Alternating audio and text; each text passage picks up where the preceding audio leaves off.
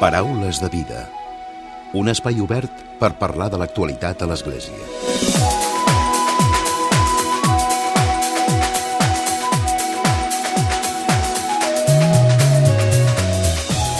Què tal? Salutacions i molt bon dia, molt bon diumenge. El pensament social del papa Francesc, les seves reflexions des que és al capdavant de l'Església, sobretot des del punt de vista de l'economia, és objecte d'un nou llibre de l'editorial Claret. De fet, enceta la col·lecció que té per títol Oikos i que ha anat a càrrec, en aquest cas, de l'Eduard Ibáñez, director de Justícia i Pau. Tal i com reconeix l'Eduard Ibáñez, una de les principals preocupacions del papa Francesc, connectada radicalment amb l'Evangeli, és la insuportable realitat de la pobresa i l'exclusió social a escala global.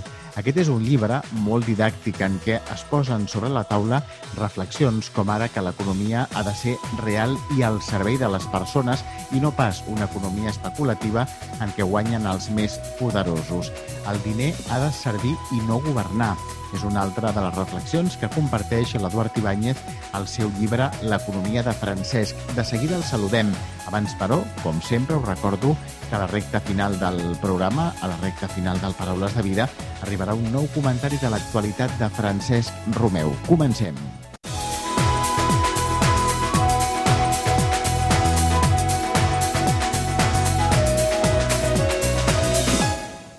Paraules de vida amb Emili Pacheco. Eduard, bon dia i benvinguts novament al Paraules de Vida. Hola, bon dia, què tal? Avui, Eduard, ens acompanyes per presentar aquest llibre, L'economia de Francesc. De fet, és un llibre recull del pensament del papa Francesc de tot allò que fa referència a, a l'economia i al pensament social de l'Església, no?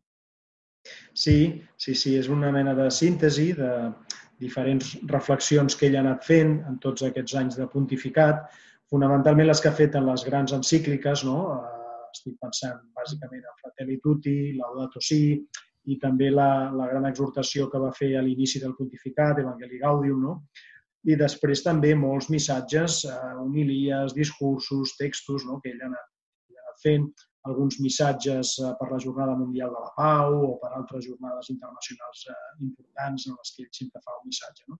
Aleshores, en tot això intento recollir les idees essencials però no només les del mateix papa francès, sinó també d'alguns organismes de la Santa Seu que venen d'ell, no? bàsicament el dicasteri, el dicasteri pel desenvolupament humà, que és el que abans es deia Justícia i Pau, no? el Consell Pontifici de Justícia i Pau, i després també recullo molts altres, eh, perquè és clar, el papa no parla ell per primera vegada d'economia, sinó que ell el que fa, òbviament, és eh, continuar tota una tradició important de l'Església en matèria de pensament social i, eh, i sobre l'economia. No? I aleshores doncs, jo també recullo aquesta, aquesta, aquesta tradició, citant i, i sintetitzant algunes idees importants, per exemple, de Benet XVI, que també té una encíclica molt important que tracta molts temes en matèria econòmica, com va ser Caritas in Veritate, no? i després també d'altres papes anteriors, no? algunes, la majoria de les quals estan recollides en el compendi, el compendi de doctrina social, que es va publicar l'any 2004, té tot un capítol dedicat a recollir tot el que l'Església ha dit en matèria d'economia eh, fins a aquell moment, estem parlant de l'any 2005, però bueno, ja s'havien dit coses molt importants, tant pel Concili, eh, Joan Pau II, eh, Pau VI, Joan XXIII... No? Bé, intento fer una síntesi de tot això molt apretada, eh, breu, eh, perquè realment eh, donaria per molt, però he intentat doncs, que el lector no massa especialitzat pugui en no moltes hores accedir a tot aquest pensament. De fet, tal com dius i com demostres ara, no, el pensament social de l'Església és molt ampli, se n'ha parlat molt i es parla molt del pensament social, però, i com dius, el llibre té un valor didàctic molt important, perquè està tot condensat. No? O sigui, per una persona que potser no, no en tingui molta idea, pot tenir una idea partim o analitzem alguns d'aquests punts. Eh, sobretot, eh, quan es parla de l'Església es parla d'economia, de, es parla de que sigui una economia al servei de les persones, no? una economia que sigui més humana. Perquè això a vegades se'n parla molt a la societat, però potser és un terme que està com, com denostat o que no li donem la importància que ha de tenir. No? Una economia que sigui més humana quan veiem que no és així. Sí, sí, aquesta ha estat la gran denúncia, la gran denúncia que ha fet l'Església, jo diria des de sempre, però ja d'una manera molt més eh, sistemàtica des de Lleó XIII, ja Rerum Novarum de l'any 1891, i després s'ha anat repetint, eh, tots els papes han parlat d'economia, eh, Pius XI, per exemple, va fer unes, unes reflexions duríssimes contra el capitalisme, contra la dictadura del capitalisme, parlava Pius, Pius XI l'any 1931, eh? 50 anys després de Rerum Novarum, 40 anys després de Rerum Novarum, no? La, encíclica que va fer. I tots els papes després han continuat amb una denúncia d'una economia que, que, que fa mal, no? que no funciona bé, que exclou, que genera desigualtats, que genera pobresa. No? I el papa francès el que fa és mm, aquesta denúncia amplificar-la, perquè com que ell té aquesta capacitat de comunicar tan extraordinària, no? que arriba tant a tanta gent, a més a més arriba a creients i no creients, perquè potser els altres papes es quedaven en cercles potser més cristians. No? Francesc arriba a tothom i se, se l'escolta a tot arreu. No? I ell ha fet aquesta denúncia tan forta amb aquella frase que té que ha repetit diverses vegades, per tant no la diu per casualitat, l'ha repetit i no només a, en un, a improvisadament, sinó que l'ha escrit, l'ha escrit, eh, a diferents d'aquestes encícliques que citava, diu que aquesta economia que tenim mata. Això, no? aquesta economia mata, per tant és una economia eh, inhumana, no? inhumana. Aleshores, però l'Església no es queda aquí, Francesc no es queda aquí el que volen és fer una proposta. I, bueno, i llavors què hem de fer no, amb l'economia perquè sigui veritablement el que ha de ser, que és el servei de les persones, no? com deies fa un moment. L'economia no... En això insisteixen molt els papes i Francesc que repeteix, no? l'economia no és una cosa autònoma, l'economia és una cosa que, una realitat, per dir-ho així, que té a veure amb la vida de les persones. No, no, és una, no és una realitat autònoma, està al servei de la vida de les persones. Per tant, ha de tenir una ètica, una finalitat, que és el desenvolupament integral de totes les persones eh, del planeta, de la humanitat. No? I aquesta és la gran finalitat i no ho és doncs, eh, simplement l'acumulació material de béns, no ho és que alguns s'enriqueixin, no ho és el lucre de les grans empreses, no és el PIB, tot això no és. La finalitat de l'economia no és que creixi el PIB. Aquesta sembla que és la gran obsessió, no? el creixement. Per altra banda, el papa Francesc ho diu, el, el creixement no pot ser il·limitat, perquè el planeta és, és finit, no? el planeta és limitat. Per tant, no es tracta de créixer, acumular, i sobretot el que no es tracta és que uns acumulin i uns altres es mantinguin en la pobresa i en l'exclusió. No? O sigui, l'economia ha de mm, repensar-se per veure com pot servir a la seva finalitat, eh? que és el bé comú. El bé comú, que tothom pugui viure amb dignitat. Aquesta és la gran qüestió. I mentre això no sigui així, i veiem que no és així, doncs aquí tenim un problema molt greu i és el que haurien d'estar, tots els economistes haurien d'estar pensant en això, tots els governants haurien d'estar pensant en això, totes les, les grans empreses i les petites empreses haurien d'estar pensant tots, totes, com fem perquè tothom pugui viure amb dignitat de l'activitat econòmica. No? I, i és inacceptable doncs, milions de persones a l'atur, és inacceptable milions de persones passant fam, és inacceptable el tràfic de, de, de persones, l'explotació laboral, bé, tots aquests grans drames. No? I ell, per fer-ho realitat, diu moltes coses, eh? i són les que intento recollir jo en aquest llibre d'una manera molt, molt, molt simplificada. Eh? Quines propo fa propostes, o sigui, quines serien els grans objectius que una economia més humana hauria de, de tenir com a més importants. No? Mm-hmm. I com dius, és un missatge que és per tothom, no? O sigui, no només pels creients, sinó per tothom. Suposo que els creients ja partim de que també ho hem de tenir incorporat, però sobretot per tothom, no? Els directius, les empreses, els empresaris, els autònoms, les grans empreses, que tothom sigui conscient d'això, no? Sí, sí, perquè ell el que afirma és, és que l'economia un, té una finalitat ètica i l'ètica és per tothom. És a dir, tothom ha de ser, ha de ser conscient de que l'activitat econòmica eh, és una activitat humana de relació amb les altres persones i, per tant, que està sotmesa a l'ètica, és a dir, al respecte de l'altre, respecte i la, i la preocupació pel bé de l'altre. I, per tant, això és incompatible amb un principi econòmic, malauradament, molt dominant, que és que sembla que l'activitat econòmica sigui pel benefici propi. No? Això ho tenim tots molt interioritzat. No? Qualsevol empresa, eh, des de la més petita fins a la més gran, qualsevol inversor eh, o professional, eh, tenen la temptació de sempre actuar en buscant el benefici. No? A vegades fins i tot el màxim benefici que diuen els economistes, no? la maximitza, maximització del benefici parlen no? molt, molt sovint. Aquest no és l'objectiu.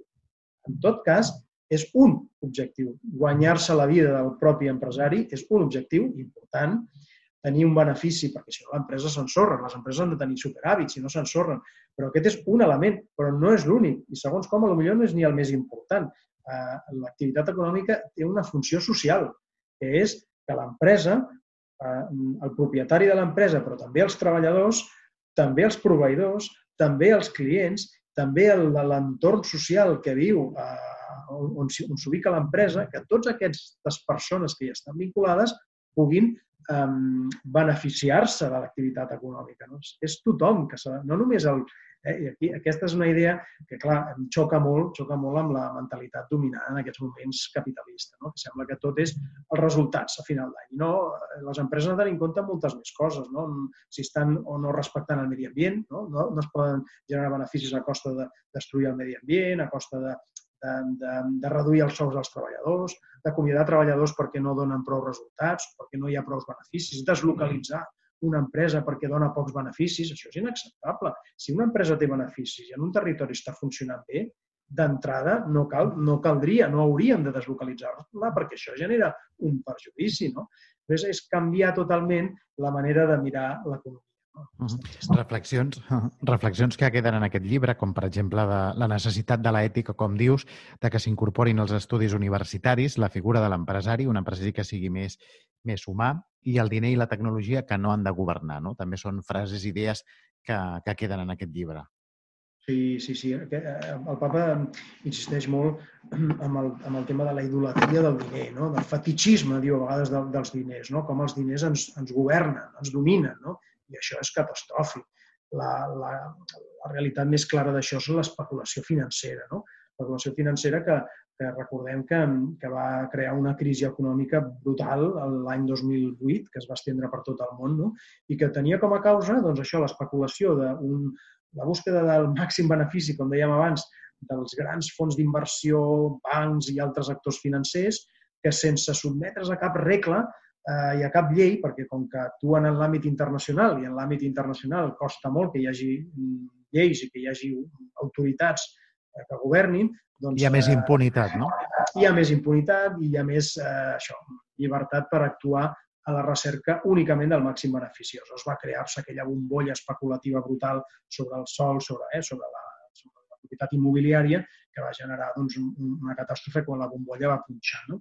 Aleshores, el papa el que demana és que que qui ha de governar són les persones a través de les autoritats polítiques. És a dir, demana que la política sotmeti a l'economia i no al revés, no que siguin la, els capitals, els diners, les, els bancs els que dominin l'economia. No, no, l'economia ha de governar les, les autoritats polítiques democràtiques. I ell demana, i ja ho demanava Benet XVI i Joan XXIII, una autoritat política global que governi l'economia mundial. Quan ell diu una autoritat política global, la gent comença a espantar-se no? i diu, bueno, què està dient ara aquí un dictador mundial? No, no, no, no, és, no estic parlant d'una persona. Ni tan sols estic parlant d'un govern de, de quatre o cinc persones que mani, no. Que demano són autoritats democràtiques internacionals, que poden ser diverses, no? institucions internacionals, començant per Nacions Unides, que governin els diners, que governin l'economia, que estableixin objectius, que estableixin impostos internacionals, no? que estableixin regles per controlar el capital, un banc central mundial, etc. O sigui, institucions internacionals que puguin governar l'economia i garantir que les poblacions més pobres en puguin, puguin beneficiar-se del creixement econòmic. No? Tot això eh, és quan, és, quan bueno, és, és aquesta idea que hem de, hem de governar l'economia a nivell mundial. De fet, és, és important, no? si estem destacant avui al Paraules de Vida aquest pensament social de l'Església, el pensament del papa Francesc, que, que ell estarà al capdavant de, de l'Església, que queda condensat en aquest llibre de, de l'Eduard Ibáñez. Però, Eduard, suposo que també és important el que deies abans, no? que tot això és molt important, però el papa francès, des que està al capdavant de l'Església, ha creat potser una sacsejada mediàtica. No? O sigui, en el moment que ell ho diu, no deixa indiferent ningú. No? O sigui, ja siguin creients, no creients. No? O sigui, que aquest missatge ara potser està com doblement potenciat. No? Sí, sí. Eh, realment, totes les seves, els seus pronunciaments són, són tenen un gran ressò mediàtic i, i tenen a veure amb el seu lideratge, moral i té a veure amb la seva capacitat de comunicar-se. No?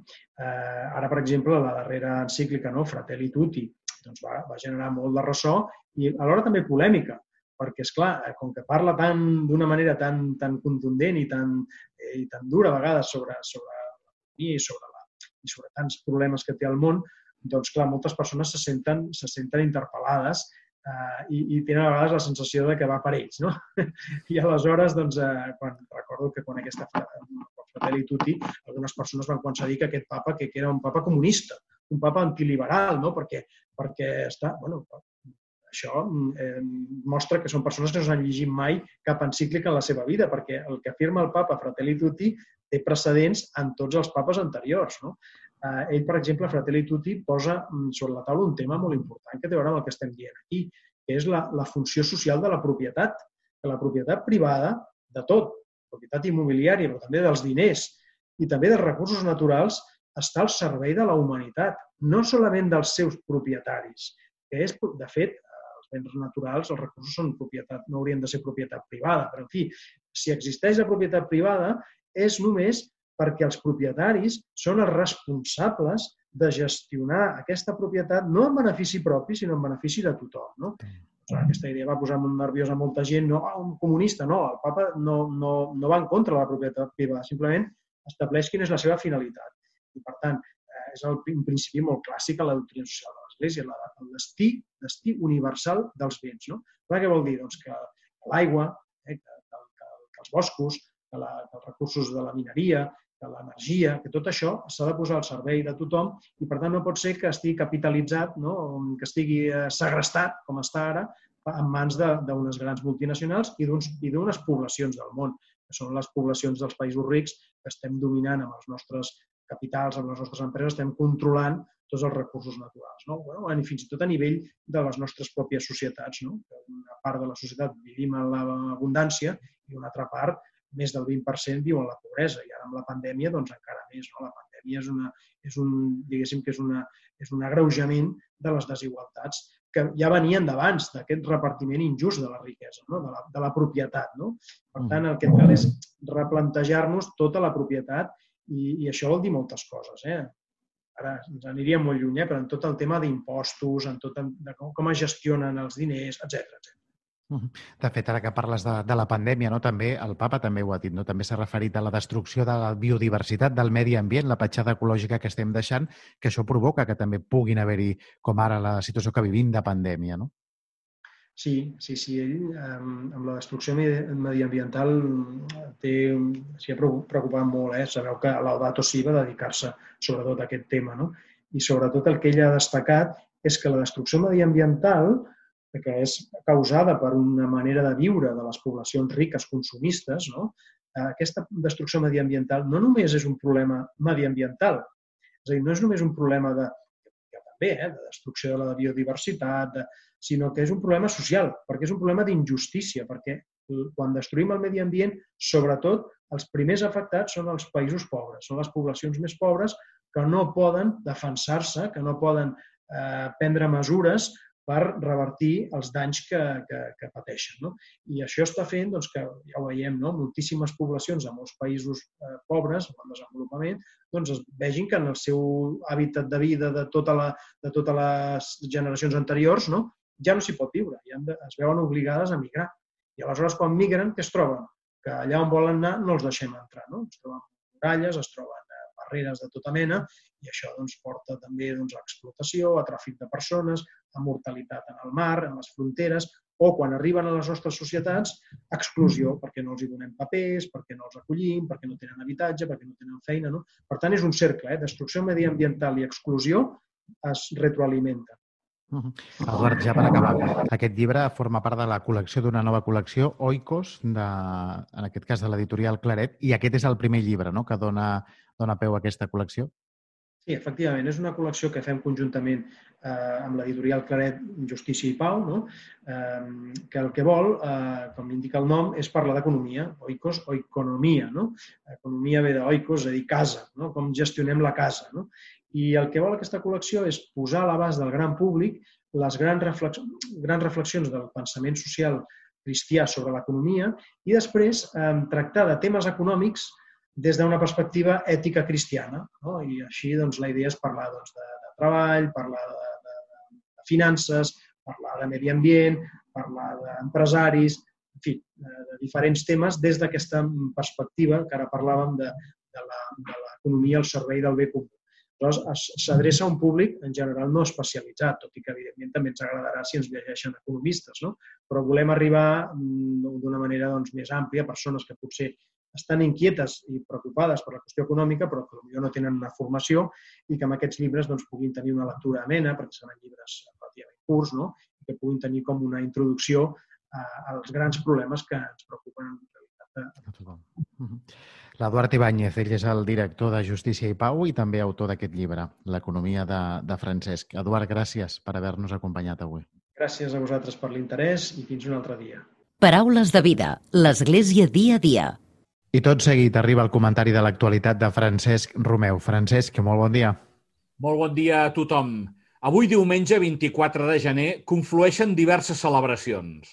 D'una banda, demà, dilluns 25 de gener, amb la festivitat de la conversió de Sant Pau, acabem la setmana de pregària per la unitat dels cristians, és a dir, la setmana ecumènica, que aquest any ha portat com a lema una frase de l'Evangeli de Sant Joan a l'inici del seu capítol 15 Manteniu-vos en el meu amor i donareu molt de fruit. Cada any es demana a una comunitat internacional de preparar els materials per aquesta setmana. Enguany n'ha estat la responsable la comunitat monàstica femenina de Grancham, a la zona suïssa de parla francesa, molt a prop de Neuchâtel. Es tracta d'una comunitat formada cap a finals dels anys 30 del segle passat, sota l'esperit de la seva fundadora, Geneviève Michelí, la que més tard esdevindria la mare Geneviève, la primera mare d'una comunitat femenina que ella va aglutinar al voltant de l'experiència d'un grup de dones de l'Església Reformada de Suïssa, conegudes com les senyores de Morges, que ja s'aplegaven per fer recessos en silenci i per escoltar la paraula de Déu. Pel gran nombre de gent que allà s'hi anava plegant, aquesta experiència de recessos les va conduir a plantejar-se de formar una comunitat estable per una pregària més habitual, diària, i per acollir els hostes. Com veieu, molt semblant a la comunitat masculina de Tesé que tots coneixem a França. Elles, però, van tenir la gran sort de comptar amb l'assessorament de l'avé Paul Cotier, pioner, justament, de la Setmana de Pregària per la unitat dels cristians. Però avui també s'escau el diumenge de la paraula de Déu, que coincideix litúrgicament amb el tercer diumenge de durant l'any, tal com va instituir el papa Francesc en la seva carta apostòlica a Peruit Illis, recuperant l'esperit del sínode de bisbes del 2008 sobre la paraula de Déu en la vida i la missió de l'Església i l'impuls que li va donar el papa Benet XVI amb la seva exhortació apostòlica postsinodal Verbum Domini, del 2010. Ja fa cinc anys que ho celebrem. Els tres primers anys es va celebrar el primer dia de l'any litúrgic, que coincidia amb el primer diumenge d'Advent. Per això, el papa Francesc ho va traslladar a una data menys significada i per tal que tot el poble sant de Déu reflexioni i valori la importància que té llegir i viure el contingut de la paraula de Déu en la pròpia vida cristiana. Aquest diumenge de la paraula de Déu, obre la porta del que serà, doncs, aquesta cinquena setmana de la Bíblia, que comença avui i que porta enguany per lema Sortim a sembrar la paraula. Aquest lema, seguint la inspiració de la paràbola del sembrador, que podem trobar a l'Evangeli de Marc en el capítol 4, l'han triat les entitats promotores d'aquesta setmana a Catalunya, que són l'Associació Bíblica de Catalunya, l'Abadia de Montserrat, el Centre de Pastoral Litúrgica, l'editorial Claret, Catalunya Cristiana i Radio Estel. Com en cada edició, s'encoratja a les comunitats parroquials, religioses i de base a fer tota mena d'activitats durant aquesta setmana a fi de promoure un major coneixement i aprofundiment dels textos bíblics entre els seus membres. Igualment, en alguns bisbats s'organitzen actes centrals amb l'assistència del seu propi bisbe. De fet, es faran molts actes. Els podeu trobar a la pàgina web www.setmanadelaBíblia, Enguany, a causa de la situació sanitària tan delicada, els convocants de la cinquena setmana de la Bíblia han previst cinc actes que individualment o en grup podran ser seguits en directe o bé en diferit des d'aquesta pàgina web de la Setmana de la Bíblia. I acabo amb una recomanació per proposar-vos la lectura de l'Evangeli de Marc. Amb ocasió de la Setmana de la Bíblia, l'Associació Bíblica de Catalunya ha adaptat en format digital la seva col·lecció Llegir la Bíblia en grup. Els interessats podran descarregar la carpeta corresponent a l'Evangeli de Marc des de la web de la Setmana de la Bíblia. Es tracta d'una col·lecció amb nou fitxes, amb fragments de l'Evangeli per ser aprofundits en grup a partir d'una pauta comuna i d'un seguit d'informacions històriques, literàries, teològiques, que ajuden a entendre el sentit del text i obren camins per la reflexió i l'actualització. En el web de la Setmana de la Bíblia es poden trobar altres informacions referides a aquesta setmana de l'any que vol promoure un lloc central de la paraula de Déu en la vida del creient. Molt bon diumenge a tothom. Paraules de vida amb Emili Pacheco. Directe als valors. Directe a tu.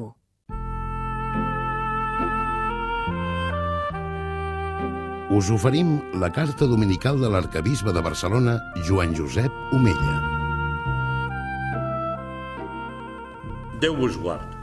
Avui celebrem el diumenge de la paraula de Déu, instituït fa poc més d'un any pel papa Francesc. El papa convida l'Església Universal a dedicar un diumenge complet a la paraula de Déu, amb el desig que tots nosaltres poguéssim fer l'experiència dels deixebles de Maús.